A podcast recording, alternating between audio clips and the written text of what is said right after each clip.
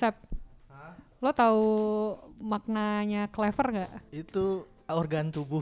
Organ tubuh. lo kurang baca kamus Oxford Dictionary lo. Tapi kayak gue deja vu ya, kayak gue pernah gitu. Mendengar pertanyaan itu kayak gue pernah gitu. ya, tapi lu bahkan ya, tapi lu biarpun lu belum pernah baca kamus Oxford Dictionary, lu pernah mendengar pertanyaan itu di film apa tuh, Sep? Nah, itu dia gue juga. Ya, Terngiang-ngiang gitu. Terngiang-ngiang kan clever, Iya. clever Jadi gitu. Kayak kalau inget kalau inget apa? Kalau inget Mola TV itu langsung inget itu gue. Gila, keren banget Sep. Kamu sedang mendengarkan podcast penonton bayaran bersama Saras dan Asep di Detik Hot.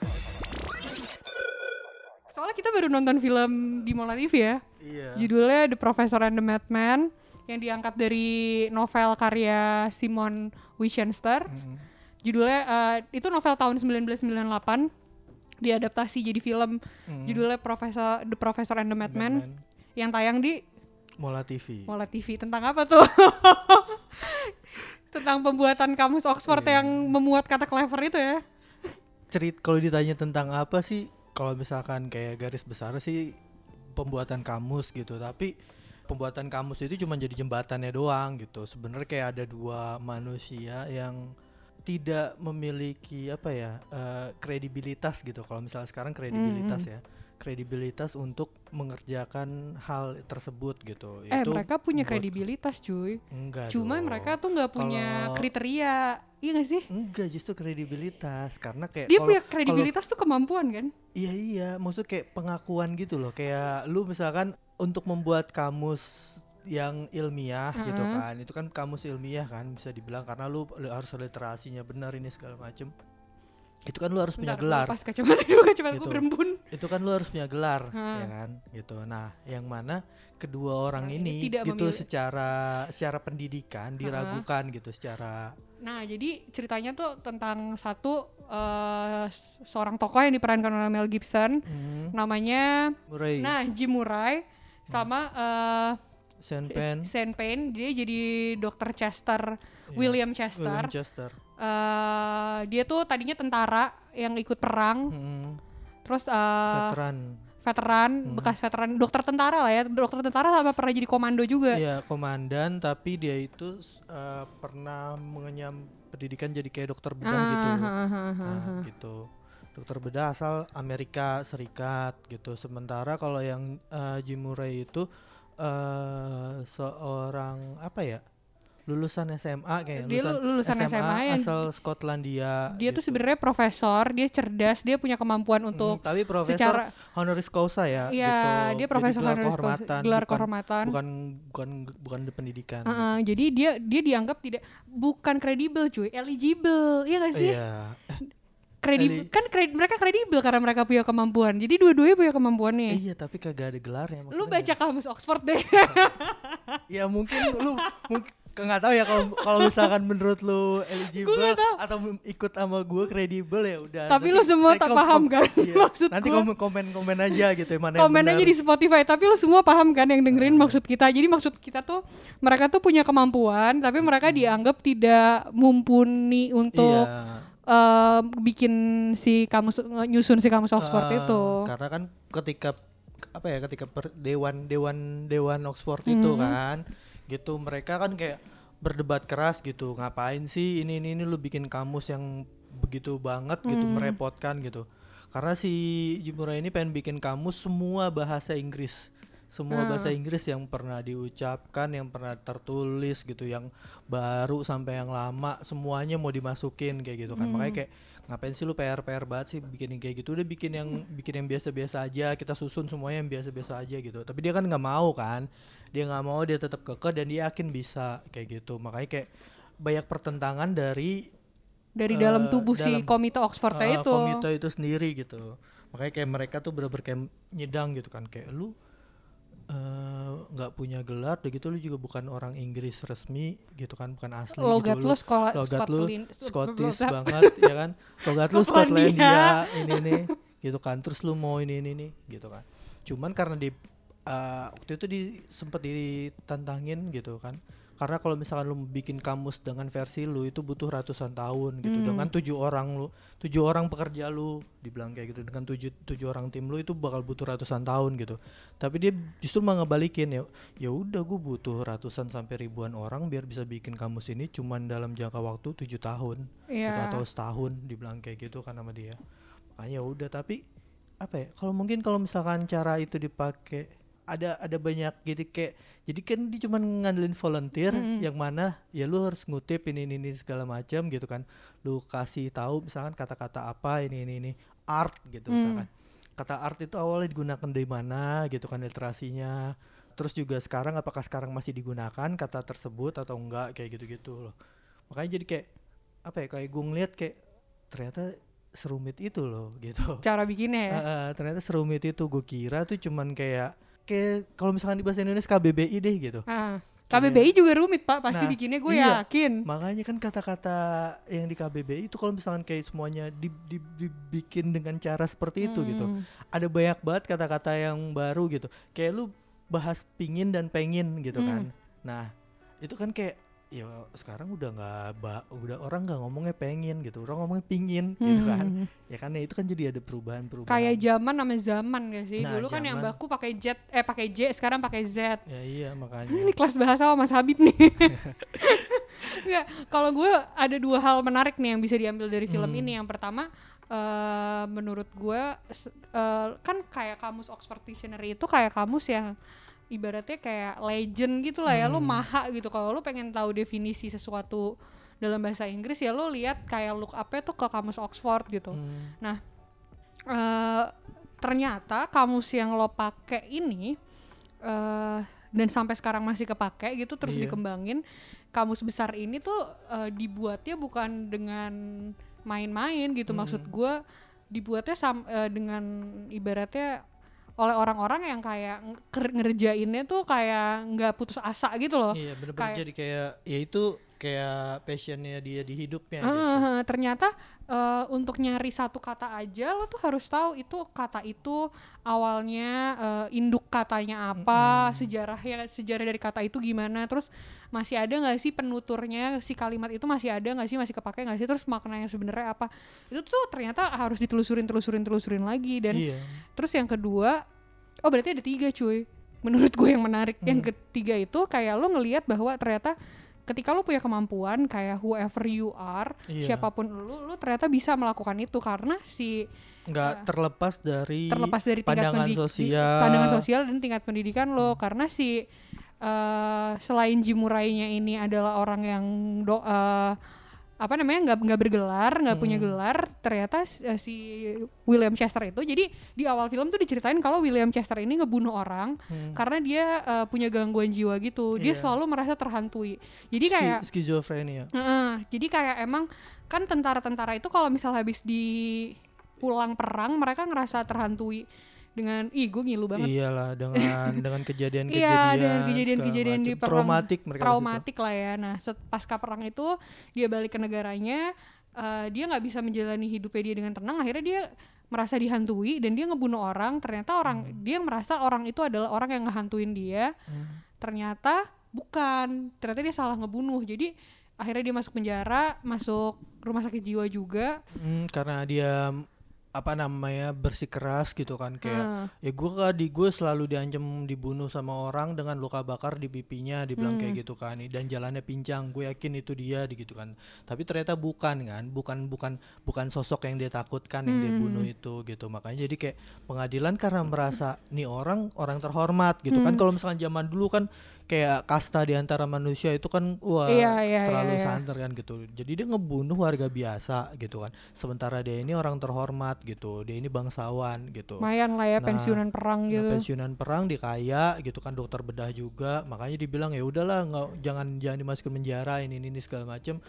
Eh sakit dimasukin jiwa. ke rumah sakit jiwa dibilang kayak gitu. Nah, bah- bahkan orang yang ternyata si William Chester ini biarpun dia dengan gangguan jiwa dan segala macamnya, eh, dia bisa gitu loh eh, menyusun kata dan malah jadi salah satu penyumbang terbanyak di dalam Iya. kamus Oxford dan maksud gue kayak ber- 2020 2019 tuh isu mental health lagi gencar banget gak sih Sep? Hmm, hmm.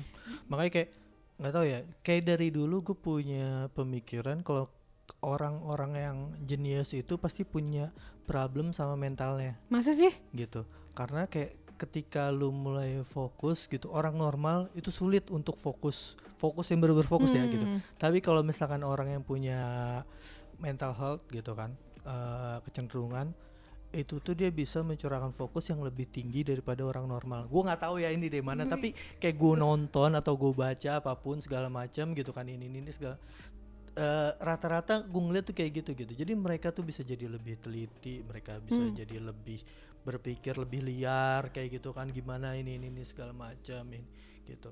Kayak apa Kayak ya? Van Gogh gak sih yang dia Mm. bikin Kan Starry dia- Night juga dia iya. lagi ini kan? karena apa ya kayak keterbatasan itu justru malah membuat lu jadi jauh lebih lebih Eksploratif. eksploratif jauh lebih apa ya lebih lebih lebih pokoknya lebih dari segala hal dibanding sama manusia Hmm. normal gitu makanya kayak gue ngerasa ya kayak gitu ya apa ya si William Chester ini dia nggak peduliin makan dia nggak peduliin minum dia nggak peduliin pikiran kayak aduh gue harus bayar cicilan gitu kan. Atau atau, atau aduh rumah gue kayak gimana ya gitu. Atau, atau dia pikirin kayak asmara ini ini segala macam. Dia nggak mikirin kayak gitu semua dia gitu. mikirin asmara cuy. enggak dong. Kan Asma- dia- orang ada yang suka dia malah nggak mau kan? Iya tapi kan itu konflik asmara. Nah, iya, tapi dia nggak nggak nggak mikirin itu semua gitu. Kayak dia curahin, makanya dia kayak men- apa menurut dia baca itu jadi sebuah pelarian dan dia menemukan kayak sanctuary gitu kan dibaca itu.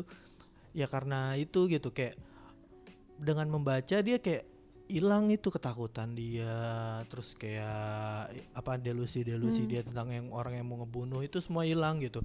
Makanya kayak eh gue ngerasa ya udah ini orang bener berfokus gitu. Ketika dia fokus baca nyari satu kata gitu literasi ini ini segala macem semua pikiran dia semua hal-hal buruk gitu kan yang dulu jadi toksik di hidupnya dia itu semua hilang gitu. Cuman eh balik lagi kalau misalkan kayak begitu doang ya filmnya jadi boring dong harus ada Hmm. konfliknya gitu nah itu dia makanya Ya kayak sa- satu lagi sih menurut gue yang menarik tuh gaya bertutur film itu sih Sep.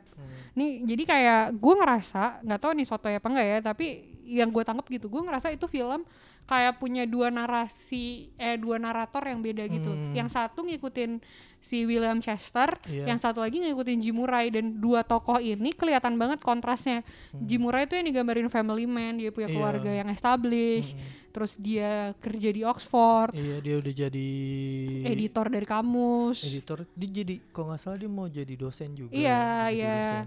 Terus udah gitu eh, ibaratnya itu kan terus nah si sedangkan si William Chester ini ibaratnya pasien rumah sakit jiwa. Iya, dan hidupnya ya, udah lumayan hancur. kacau Udah hancur gitu. sih, ha. Kayak Jadi nggak nggak punya nggak punya keluarga nggak punya istri gitu biarpun ujung-ujung kita tahu dia punya keluarga tapi Hmm. jauh gitu kan nah kayak udah beran- ber- berantakan gitu kayak nggak ada kehidupan bisa Hmm. bilang nggak ada kehidupan gitu kayak orang tua yang pemurung dan penyendiri sih gitu Iya. kayak digambarinnya gitu kan dan menghabiskan hari-hari di asilum itu dan apa naratornya eh nar- si narator ini bergerak gitu kayak dari ke William Chester eh pertama William Chester dulu ya. Hmm, William Chester habis William Chester dia pindah ke Jim Murray. Ketika dia di tes jadi editor Ox di Hmm. Oxford. Pertama William Chester ngebunuh, terus kamera berpindah, terus kamera pindah-pindah lagi. Jadi ganti-gantian, tapi maksud gua nggak terlalu jumpy gitu kelihatannya. Itu Iya. yang menarik sih. Kayak karena ini pindah-pindahnya tuh cepet dan ceritanya tuh lumayan kontras.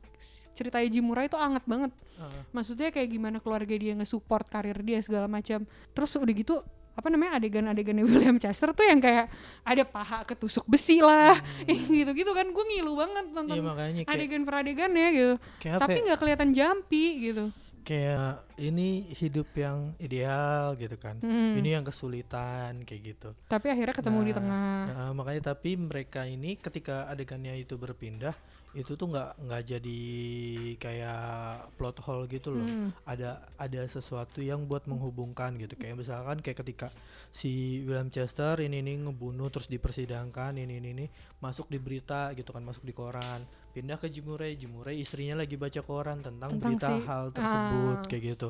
Makanya jadi kayak apa ya?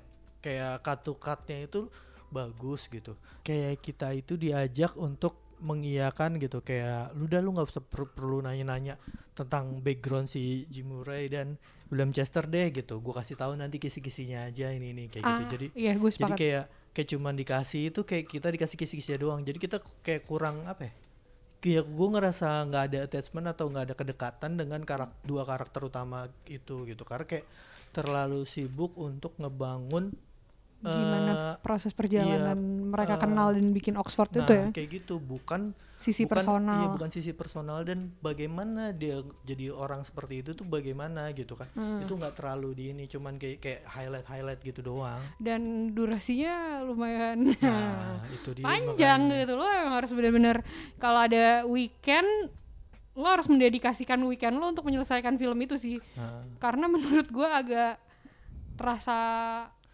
terasa apa ya kayak nggak tahu sangat menyedihkan karena filmnya agak-agak gelap gitu kan. iya iya iya agak-agak gelap ini dan kayak uh, emo menguras emosi menguras emosi terus juga kayak pace-nya itu lambat banget gitu Hmm, loh. tet, pelan ini, ini ini segala macam gitu jadi kayak ya kalau misalkan uh, mau nonton itu ya udah gitu kayak lu bener-bener ya harus kayak fokus. harus fokus ini ini segala macam gitu. Karena sebenarnya beberapa hal yang menarik itu bukan dari kelangsungan ceritanya tapi dari bukan tapi dari detail-detail yang nggak penting itu loh. Hmm. dan emang lo harus nontonnya harus fokus. Dan menurut gue emang eh, agak text time karena durasinya panjang dan alurnya lambat. Tapi ya ada beberapa hal yang menarik Hmm. yang kayak tadi pergantian narator pergantian sudut pandang Mm-mm. penceritaan itu terus habis itu tadi lu bilang ada detail-detail kecil kayak gitu ya lumayan maksud gue eh, buat lu yang kayak kepengen tahu ini bisa jadi film yang lumayan historical juga ya jadi kayak Iya. lo akhirnya jadi tahu eh, eh, sejarah yang maksud gue sejarah Oxford udah kayak mau di Iya. Ayunda udah kayak kita agak-agak gosip udah kayak mau di Ayunda ya pas live Instagram ya. Iya. udah untuk pacarnya kan sejarah Oxford. Nggak maksud gue Udah jadi bawa di Ayunda iya kan? Inget gak lo yang itu? Ini kenapa jadi kayak podcast sebelah nih Iya. gue sih pulang kantor? Apa? Nggak maksud gue eh, kan kayak lu tuh bikin kamus nih kayak Eh. itu tuh bukan sejarah yang populer gitu loh kalau iya itu kayak nggak tahu ya gue sih kayak itu nonton penting. nonton nonton film yang membahas kayak sejarah pembuatan kamus itu baru baru film ini sih kayaknya Gua- iya iya gue juga kayaknya Ah, iya deh. penyusunan. Soalnya kayak gue nggak pernah nonton film yang tentang kamus tentang gitu. kamus gitu kayak apa sih? Ya, kayak gue juga juga gue juga nggak pernah membayangkan gitu seumur hidup gue gue nggak pernah membayangkan gimana ini sih caranya bikin, bikin kamus, gimana sih gitu gue nggak pernah Iya, iya, membayangkan iya, gitu iya. kayak gue tuh merasa kamus itu oh ini ini jadi kayak sekelompok orang dengan persetujuan kata-kata ini yang kita pakai ini ini ini Iya, ya, iya, iya, gitu, iya. gitu kayak gitu loh jadi kayak nggak ada nggak ada ternyata oh sampai sebegitunya gitu kan Ah. gitu kayak oh, gue tahu sih kayak em, maksudnya gue waktu itu pernah ikut webinar apa apa ya pokoknya yang kayak oh tiap tahun kan Indo kamus KBBI itu Iya, di-update. bikin diupdate kan itu tuh emang buat mempertimbangkan kata ini masuk kamus apa enggak itu ada ada term-termnya dan ada perdebatan dan ada Hmm. persyaratannya gitu gue tahu itunya cuma maksud gue untuk pertama kali ketika jelek nih kamus nih nih kamus Oxford gitu iya itu tuh ternyata maksud gue itu adalah sejarah yang cukup penting monu- dan monumental Hmm. tapi kayak bukan sejarah populer kayak lu perang dunia pertama karena Franz Ferdinand diculik itu kan Iya. semua orang udah tahu gitu karena Nah. pangeran Serbia diculik akhirnya perang gitu atau perang dunia dua pas Amerika jatuhi eh apa pas, pas Ah, Jepang, nyerang Jepang Pearl nyerang Harbor, Pearl Harbor. terus Amerika jatuhin bom atom itu tuh kan budaya eh budaya lagi sejarah populer gitu iya kalau ini ini tuh kayak sejarah yang penting tapi eh, kerap kali eh, ku- kurang jadi fokus gitu. Iya itu dia makanya kayak oh ternyata bisa ya gitu Hmm. hal, hal, hal seperti itu dibuat menjadi film gitu kan Iya iya iya. ternyata bisa ya gitu memperluas memperluas lingkup iya lo. ling- lingkup lingkup dan lingkup ini juga lingkup masuk sinema aja gitu Hmm. jadi kayak sinema itu bukan cuman hal-hal yang populer hal-hal yang apa menarik gitu kan ini segala macam wacana gitu gede Nah, juga. Maksudnya bukan wacana iya. gede kayak perang gitu, tapi gue nggak tahu sih kamus tapi gitu. buku-bukunya si Winchester ini bestseller atau enggak gue juga nggak tahu gitu kan Hmm. uh, sampai akhirnya dibuat jadi film gitu tapi em, menurut gua ternyata hal-hal semua semua hal sih semua hal bisa bisa dibuat Bisa film dibuat dengan gaya film. bercerita yang semenarik mungkin gitu Ini nggak tahu kita yang Cooper nggak pernah nonton Iya. film tentang kamus Gua- apa apa emang ini suatu Nah. hal yang baru tuh kita juga nggak tahu Nah, ya. itu dia makanya kayak gue juga pas nonton sampai selesai tuh kayak anjir dia bikin kamus ternyata gitu sepanjang film tuh itu ternyata gitu kan ini ini Hmm. segala macam dengan segala macam konflik-konflik pribadi dan konflik-konflik apa namanya eh, kelompok Hmm. di film itu gitu ya ternyata bikin kamus gitu dengan di zaman dulu gitu ternyata sesulit itu dan semenyita waktu itu gitu kan dan padahal juga waktu itu kamus kamus kamus itu mungkin jadi sebuah apa ya sebuah buku yang wajib dikeluarkan oleh instansi Universitas pendidikan gitu, gitu kan. Karena kayak si kamus kamus Oxford keluar A yang sampai B gitu kan. Terus tiba-tiba negara lain juga bikin kamus Hmm. gitu kan. Kamus kamus juga ini ini dan lebih laris gitu kamus ya. Di Indonesia kayaknya nggak ada yang se apa ya kayak sebersaing itu untuk Ada mem- sih kamus, membuat kamus? ini kamus KBBI terus ini sih kalau yang gue tahu ini eh, EYD yang bikin JSB Dudu iya. Ya kan? Ah, tapi kan kita nggak kayak nggak Unpad kayak- tuh Unpad Pride.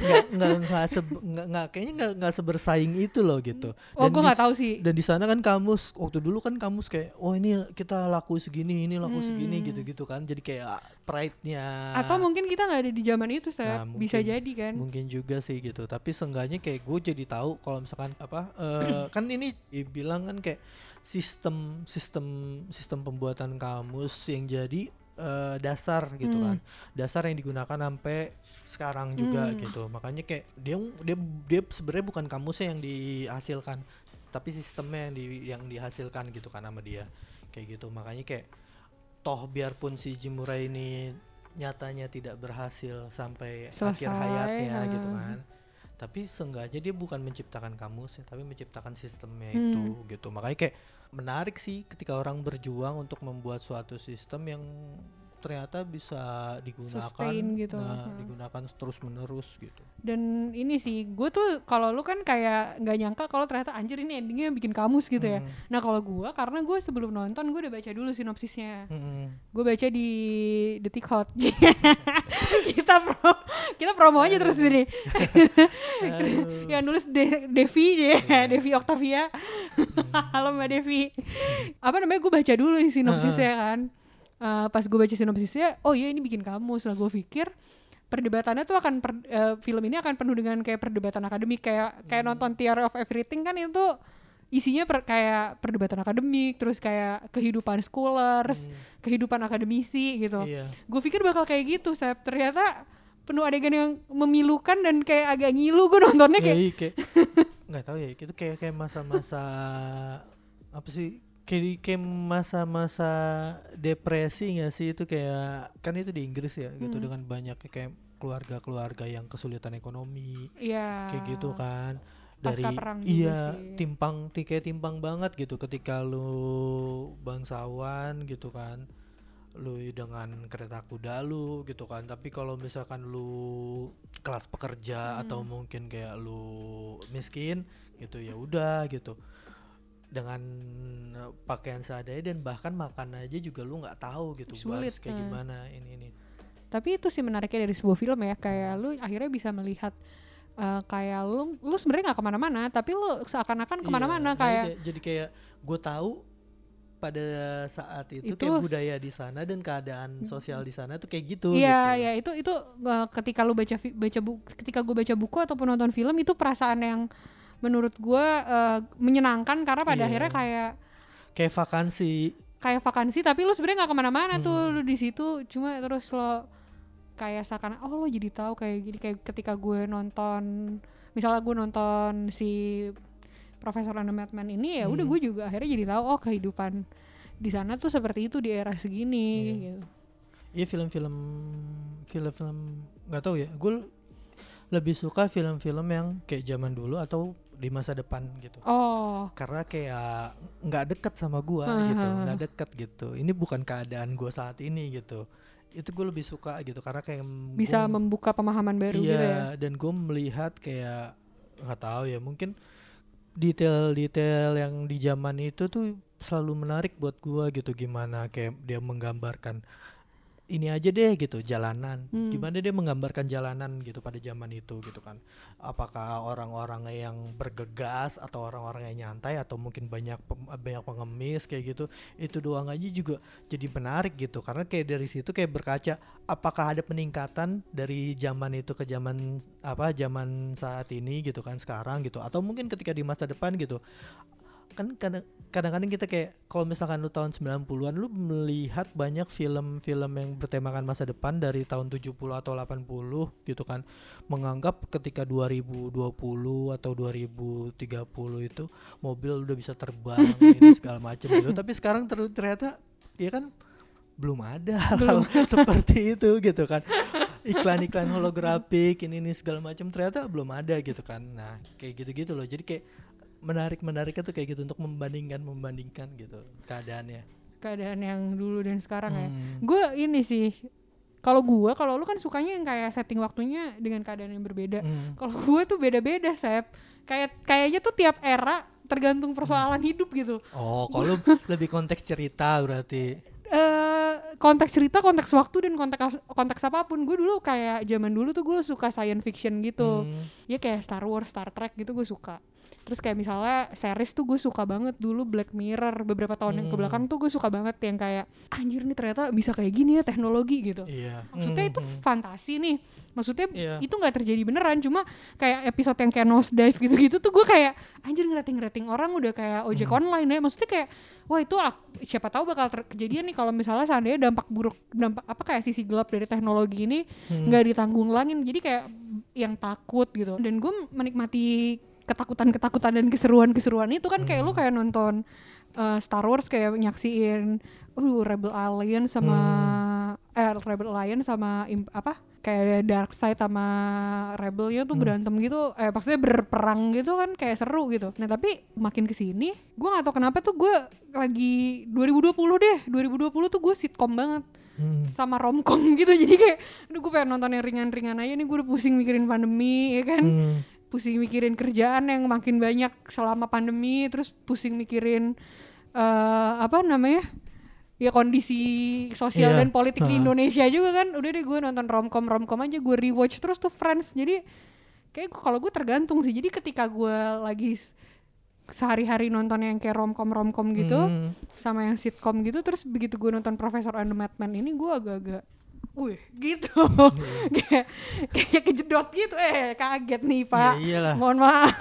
Kayak kayak lu misalkan kayak lu non, abis nonton Emily in Paris gitu Hmm, kan. minggu lalu kan minggu Iya, lalu banget cuy kita dengan- nonton dengan Emily in Paris. gula-gulanya itu gitu kan. Terus tiba-tiba skandal seks dan cinta gitu. Iya, tiba-tiba tiba- skandal kejiwaan anjir Nah, minggu itu depannya dia makanya kan menariknya dari apa film dan itu karena kayak ya gitu terlalu terlalu apa ya terlalu luas dan Bisa apa kayak- aja iya, bisa apa aja kayak lu harus nonton sih biar Hmm. biar mendapatkan pengalaman yang yang berbeda gitu iya iya kayak iya. ketika lu misalkan lu membaca sinopsis atau atau lu mungkin ngelihat review gitu kan. Kan itu kan personal ya Hmm. gitu. Jadi kayak belum tentu gitu kan eh, pengalamannya sama, sama kayak Ah. lu gitu. Belum tentu pemikirannya sama kayak lu gitu. Gua sih seneng senengnya itu sebelum sebelum nonton itu gua nggak nggak baca tentang nggak baca apa-apa review maupun gitu. sinopsisnya Iya, gue nggak Hmm. baca tentang apa-apa gitu kayak kayak ini baru ketika itu baru gue baca ketika habis nonton baru gue baca gitu. Jadi kayak gue membandingkan kayak personal gue dengan personal si Jadi tukang review. polos itu. gitu ya. Nggak, tapi eh gue sepakat sih sama lo maksudnya kayak apa yang kita absorb dari sebuah film itu kan kayak pengalaman ya kayak Hmm. misalnya gue nih kayak gue ngerasa gitu kan ketika nonton si The Professor and the Madman ini karena gue lagi sering nonton sitcom lagi sering Hmm. nonton romcom gitu nah apa namanya jadi gue pas nonton ini agak aduh Iya, kayak lu, nih gue gitu lu biasa disuguhin cookies, terus juga milkshake kayak tiba-tiba gitu-gitu. gue disuruh sekarang- minum wine nih Nah, sekarang apa iya, amer gitu iya. kan jadi agak kejedot gitu gue Iya, jadi kayak oh kok gini kecut-kecut gini. iya terus nah eh, jadi kalau menurut gue kayak eh, opini orang kayak film ini bagus film ini enggak film ini oke film ini enggak tuh eh, baru valid ketika lo akhirnya experience sendiri sih Iya, jadi kayak jangan disalahkan tukang reviewnya atau Hmm. mungkin apa Lu curhat ya? artikel enggak serius Pernah ada yang nyalain lu gak selama ini? Jangan enggak maksud gue jangan jangan disalahin gitu. Misalkan kayak review itu tidak sesuai dengan apa yang lu rasakan gitu kan. Ya enggak jangan salahin gitu. Karena kan itu kan tes personal gitu kan. Hmm. kayak udah bebas-bebas aja ini segala macem. Toh nggak ada standarisasi untuk mereview film tuh nggak ada Ah, gitu iya, kan. iya, iya. kayak apa sih kayak mungkin ada beberapa orang yang memang punya ilmu di bagian sinematografi dan mereview film gitu dengan keilmuannya gitu Hmm. kan tapi balik lagi karena kan itu kan apa ya eh, produk seni produk seni kan ya udah bebas Kalau kata Ronald Bert, the death of author itu the rise of the readers. Jadi Iya, kayak udah karya lu Iya. udah terserah mereka karya lo terserah readersnya, eh, autornya mati ketika karya lo terbit iya gitu. gitu. Ya, makanya ya udah kayak gitu aja gitu jadi kalau misalkan kayak mungkin ada yang suka dengan film-film yang seperti itu gitu kan yang gelap dan apa ya historical dan Nah, dan apa dan alurnya lambat. ah, nah. alurnya lambat gitu kan iya itu ya Selera, ah. selera mereka gitu kan gitu Nah, karena kalau misalnya lo pengen nonton Profe- The Professor and the Madman dan film-film lainnya, masih banyak sih film-film lainnya. ya. masih banyak sih gue juga belum nonton yang lain-lainnya gitu tapi Hmm. kayak kayak gue ngelihat judul-judul itu kayak apa ya Menarik-menarik gitu ya. misteri Bisa aja. kayak misteri gitu loh kayak gue nggak pernah mendengar atau melihat melihat film ini gitu atau poster film ini gitu kan kayak kayak kayak berada di apa ya kayak di eh, anjir nih kayak gimana nih kayak gimana nih kayak gimana nih, kayak gimana Dan gitu. justru itu yang membuat katalognya menjadi kaya gitu. Iya. Nah, lo coba nonton di Mola TV tuh. Iya makanya coba lu nonton di Mola TV gitu kan mungkin eh, satu dua film belum Bisa terta- nyantol. belum Heeh. tertarik gitu kan Tapi coba film dicoba- yang lainnya karena banyak banget film-film yang eh apa ya kayak Altern- j- bisa jadi alternatif lo lah ya Heeh. selama lo mengisi waktu daripada lo kayak malam minggu lo nongkrong nongkrong terus belum tentu aman juga ya kan Hmm, biarpun udah pakai protokol kan kita nggak pernah tahu ketemu siapa aja kan jadi lebih Iya. baik lo nonton nonton film di rumah dan kayak ya lo bisa nonton di Mola TV tuh jadi salah satu alternatif lo Iya, sih. kalau lu suka-suka hal- hal-hal yang random ya lu nonton nonton aja gitu. Karena kan kadang-kadang kayak gue nggak suka berekspektasi dengan apa yang mau gue saksikan gitu kan, atau apa yang mau gue tonton gitu kan ini segala macem gitu kan.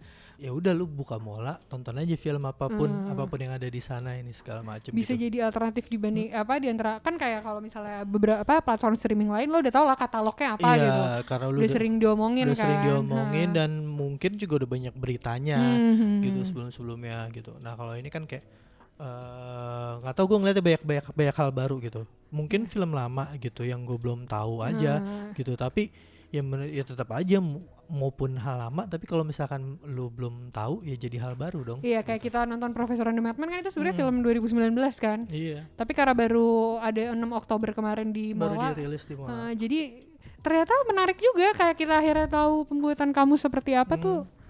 Ya oke lah gitu. Kamu bisa follow dan download podcast ini di Spotify.